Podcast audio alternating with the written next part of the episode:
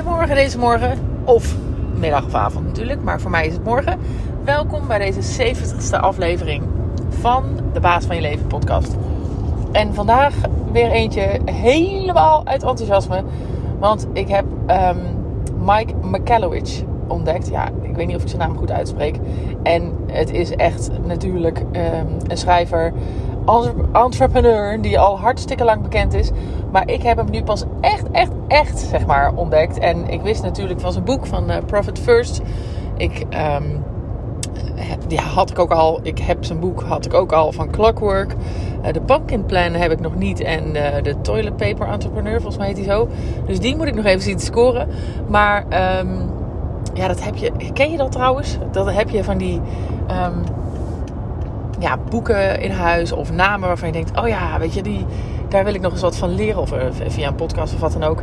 En dat je echt weet van, ah, weet je, dat, of je hebt het zelfs misschien al eens een keer gelezen. En dan komt het niet zo binnen. En ineens heb je een andere keer dat het ineens allemaal klikt. En je denkt, oh ja, zo zit het. En dat je ineens, nou ja, er iets mee kan. Nou, ik heb zo'n moment. en die wil ik graag met je delen. Ik hoorde net ook weer, uh, want ik ga deze zomer um, sowieso zijn boeken nog een keer helemaal doorspitten. Dus Profit First en Clockwork. Um, en ik heb er zo'n zin in. Ik heb, zo, ik heb sinds een aantal weken weer zo'n zin om, sinds ik eigenlijk een besluit heb genomen om uh, mijn focus op de goede manier te leggen op de juiste dingen. Uh, en dan ook de juiste dingen te doen in de juiste dingen. Um, en sindsdien heb, krijg ik steeds meer duidelijk van oké, wat ik het, dit tweede half jaar van, uh, van 2022 nog wil doen. En daar helpen dit soort dingen dan mij. Dat inspireert mij. Dan denk ik, oh ja, een beetje meer fine-tunen die kant op of die kant op. Nou, whatever. Lang verhaal kort. Waar het op neerkomt. Ik hoor net een podcast van hem. Uh, van Mike McAllowich, als ik het goed uitspreek dus. En um, nou, die man heeft sowieso een miljoenen bedrijven opgezet en vervolgens verloren. En vervolgens um, is hij um, een uh, angel investor geworden. Nou, daar, daar, vertelt hij dan ook over in zijn boeken dat hij dat dan hartstikke verkeerd heeft gedaan. En nou, dat vooral zijn ego ook heel erg in de weg heeft gezeten. En dat hij helemaal niet meer geld om kon gaan. En dat is hij op een gegeven moment dus gaan leren. Nou, en ook hoe, die dus, uh, hoe je bedrijven designt. Dus nou ja, dat, uh, daar schrijft hij dan vervolgens over. Heel kort samengevat. Maar ik hoorde hem net in die podcast. En toen dacht ik, oh, dat is ook weer een hele leuke nieuwe manier om naar de ontwikkelingsfase van uh, je bedrijf te kijken. Ik heb vorig jaar zomer natuurlijk uitgebreid uh, gedeeld over um, de e-myth. En die vind ik ook heel uh, interessant en leuk. En heb ik ook heel veel van gehad. Uh, vooral ook de ontwikkeling van jou als, als bedrijfseigenaar, zeg maar. Als ondernemer. En um, de fases die je daarin maakt en de groeispurten. En wat je, die van die technician, de manager en de entrepreneur. En welke rollen dat zijn en welke, welke, ja, wat daarbij hoort, zeg maar. Wat er voor nodig is. Um, maar nu is het dus het, uh, veel meer de fases van het bedrijf die, die hij beschrijft in die podcast. En dat is zo leuk, dat wil ik heel graag met je delen. Hij noemt vier fases. En uiteraard vindt hij dan ook dat een succesvol bedrijf natuurlijk doorgroeit in die fases. En dan heb je dus um, de eerste fase is doing. Nou, die is hartstikke nodig, want je moet een dienst gaan leveren. Je begint een bedrijf, hè, even ervan uitgaande dat je een, een, een bedrijf zelf opstart. Dus je begint een bedrijf. Uh, je moet het vooral doen, voordoen, laten zien, uh, leveren. Uh, succesvol zelf daarin zijn. Um, en vervolgens, hè, dus, iedereen kent die fase, hè, doing. Dat is het, ja, de kok die een restaurant begint, maar eens even zeggen. Of um, de gewichtsconsulent die een eigen praktijk begint. Hè, dus dan ga je eerst zelf leveren, doen. En dat is vaak overigens gelijk ook de valkuil voor de rest van de fases. Is dat je makkelijk terugvalt in het comfortabele van het doen. En ze zeggen ook, dat vertelde hij dat voorbeeld, dat um, als je een, uh, een business owner zou vragen: kan je 15 minuten een greppel graven of kan je 15 minu in 15 minuten deze Rubik's Cube uh, ding, hoe heet zo'n ding, zo'n. Um, ik weet niet hoe die het Nederlands heet. De podcast was in het Engels, dus daar heb ik altijd moeite mee om dan de terugvertaling naar het Nederlands te maken. Maar goed, die business owners kiezen dan bijna allemaal voor het terugvallen in doing. Dus die grippelgaven. Terwijl dat in, eigenlijk veel meer energie kost en uh, lastiger is. Nou, dat even tezijde. Dat is dus de eerste fase, die kennen we allemaal. De tweede fase is deciding. En deciding, um, je gaat mensen aannemen. en je gaat dan zeggen, jij moet dat doen, en jij moet dat doen. Jij wordt met aangenomen om de soep te koken. Jij bent aangenomen om mensen in te checken. en die en die en die taken. Nou, en vervolgens komen ze bij jou en vragen ze, ja, kan ik die check-in nou het beste doen met de voornaam of met de achternaam? Oh ja, dan zeg je nou met de voornaam. Oké, nou, en dan komt hij vervolgens terug. Kan ik nou het beste de factuur gelijk sturen of kan ik die beter morgen versturen? Nou, die kan je beter morgen versturen. Nou, en de kok die komt en die zegt, ja, ik kan dunne tomaatsoep maken met veel groenten. Of ik kan een beetje meer gebonden tomaatsoep maken. Wat zal ik doen? Nou, maak maar een beetje gebonden tomaatsoep. Nou, ik kan nou nog 500 voorbeelden noemen, maar je snapt het punt. Jij bent degene die bepaalt, alleen zij voeren het uit. Op een gegeven moment raakt de persoon in kwestie daar ook net zo goed gefrustreerd en geïrriteerd van. Want die denkt, ja, ik kan het net zo goed zelf doen als je alles aan mij komt vragen. dus je moet daar een beeld bij schetsen van één hoofd met acht armen die alsnog van alles aan het uh, regelen en aan het besluiten is. Nou, dat is de fase van deciding. Dan komt de fase van uh, delegating, dus delegeren. En dat is de derde fase van de vier. En um, dat is natuurlijk ook een hele moeilijke, vind ik trouwens zelf ook. Um, en hij noemt van ja, je moet dat delegating is echt het uh, op het resultaat delegeren. En uh, daarin uh, moet je dus vooral, iemand moet bijvoorbeeld het resultaat moet zijn, iemand moet zich bij de ontvangst fantastisch, um, fantastisch welkom voelen. Nou, hoe die dat doet, er zijn natuurlijk processen voor.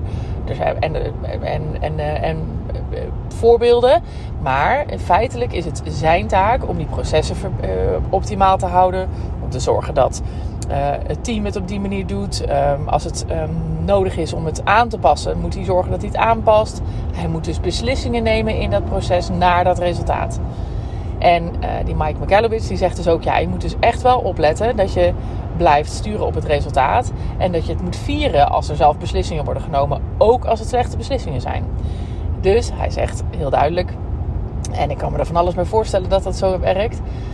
Um, als er in het proces naar die, dat resultaat van iemand moet zich heel erg welkom voelen, een besluit wordt genomen van nou dat betekent dat we voortaan, weet ik veel, um, de deur voor ze open doen. Um, en dat, dat zou een slecht besluit zijn. Dat is natuurlijk helemaal geen slecht besluit. Maar stel je voor dat het een slecht besluit zou zijn. Moet je niet gaan zitten terugvallen in jouw fase als onderneming van deciding. Nee, dan moet je dus zeggen: Nou, jammer, het heeft nou niet uitgepakt zoals bedoeld. Maar wat ontzettend fantastisch dat je daarin je eigen koers bent gevaren. In de zin van dat je besluiten hebt genomen. Dat je het hebt durven doen. Laten we het gelijk eh, evalueren. Het, uh, medewerker dus die moet het vooral ook evalueren. Uh, stel het weer bij en ga weer verder. Maar wat fantastisch dat je de uh, stap naar voren hebt gezet om hier ons bedrijf beter te maken. Dat is natuurlijk voor de hele, hele, hele, heleboel ondernemers ingewikkeld, inclusief mezelf. Want je hebt snel de neiging om dan ook te denken: ja, nou, dan uh, bij die eerste fase natuurlijk om het anders te blijven doen. Bij die tweede fase is een neiging om ook te denken, ja, dan doe ik het zelf wel weer. Want ik moet toch alles uh, besluiten. En bij die derde fase is het vaak een stuk van, ja, jij, eh, als het niet goed gaat, nou ja, dan kan ik het beter zelf doen. Weet ik tenminste zeker dat het wel goed gaat, goed gebeurt. Of dan neem ik, ik ga dan alsnog wel veel instructie en sturing geven. Um, nou, dus je snapt, dat moet je natuurlijk niet doen. En dit is wat hij ook vertelt, hartstikke interessant. Jij moet dus degene zijn die zorgt dat je blijft sturen op het resultaat en op de ander die het resultaat behaalt. En ook het verbeteren van het proces naar het resultaat toe. Nou, en de vierde fase is de fase van designing. En dan ben je eigenlijk helemaal, hij noemt het dan, uit de boom van de onderneming, uit de takken verstrengeld. Dan sta je echt van buiten af te kijken naar het, uh, het bos en de bomen van de onderneming.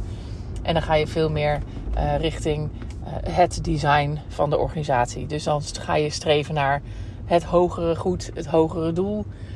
Uh, dan ga je kijken hoe wil ik dat het eruit ziet in, um, um, in, in, over een paar jaar. Hoe uh, wil ik bijdragen aan de wereld of aan uh, de arbeidsmarkt? Hoe wil ik zelf verder daarmee? Hoe wil ik anderen inspireren daarmee?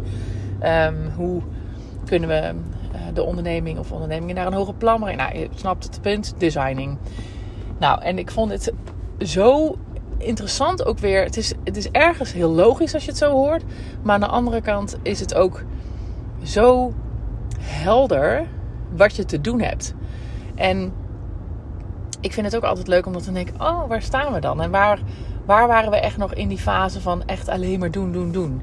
Nou, die fase heb ik echt vaak gehad en ook vaak in teruggevallen. Sowieso zijn we zo begonnen. Maar met de eerste goede stuipjes geprobeerd om uit dat doing te gaan en uh, te stappen in uh, deciding. Hè? Dat is al stap 1 natuurlijk. En uh, daar ben ik heel vaak in teruggevallen van deciding naar doing. Terug dus.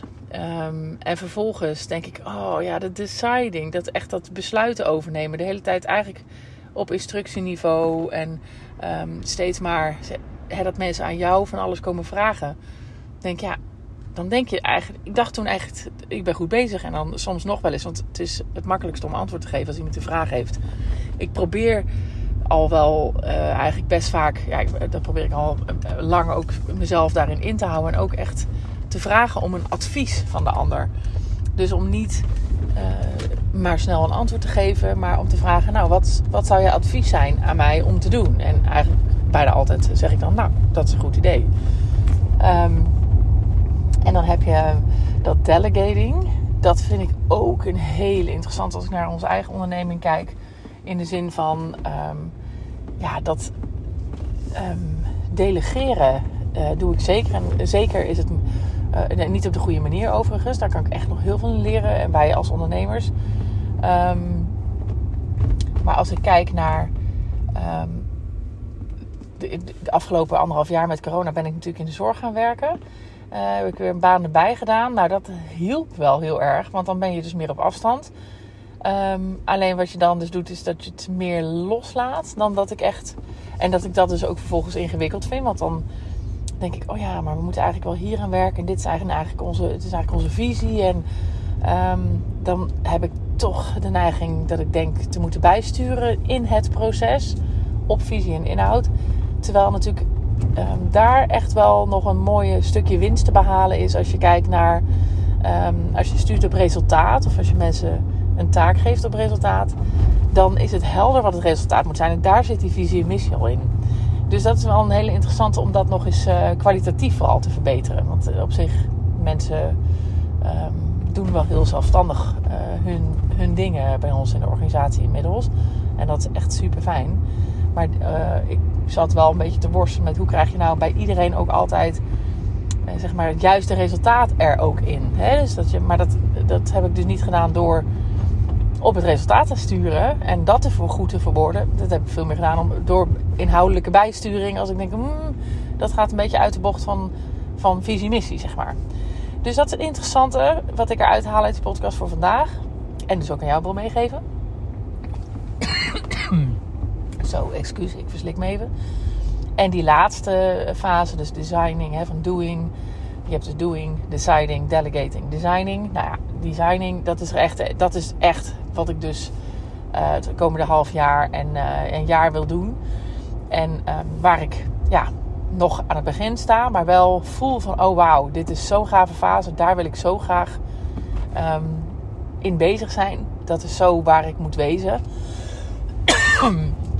En um, nou ja, ik heb dus nogal wat te leren in andere fases. Maar dat kan ook allemaal door elkaar lopen. Tenminste, dat bedenk, bedenk ik nu. En dat vind ik ook eigenlijk.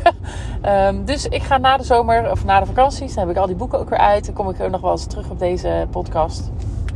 En uh, waar ik... Uh, uh, stapjes in maak. En nou ja, ik hoop dat dat leuk, interessant of inspirerend is voor, voor jou. Um, nou, voor mij is het in ieder geval heel leuk om hiermee bezig te zijn. Ik vind het echt fantastisch, het hele ondernemen en die persoonlijke ontwikkeling die erin zit. Dus um, nou, ik zou zeggen, laat het me weten. En uh, een hele fijne zomerdag toegewenst als het vandaag mooi weer is. Doeg!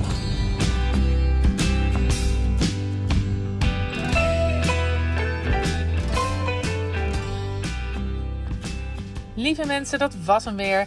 Ik hoop dat je hebt genoten van deze podcast. En op naar de volgende uiteraard. Het zou mij ontzettend helpen als je de podcast zou willen delen op social media. Zoek me op op Instagram en Facebook onder Juke Stellinga. Tot de volgende keer.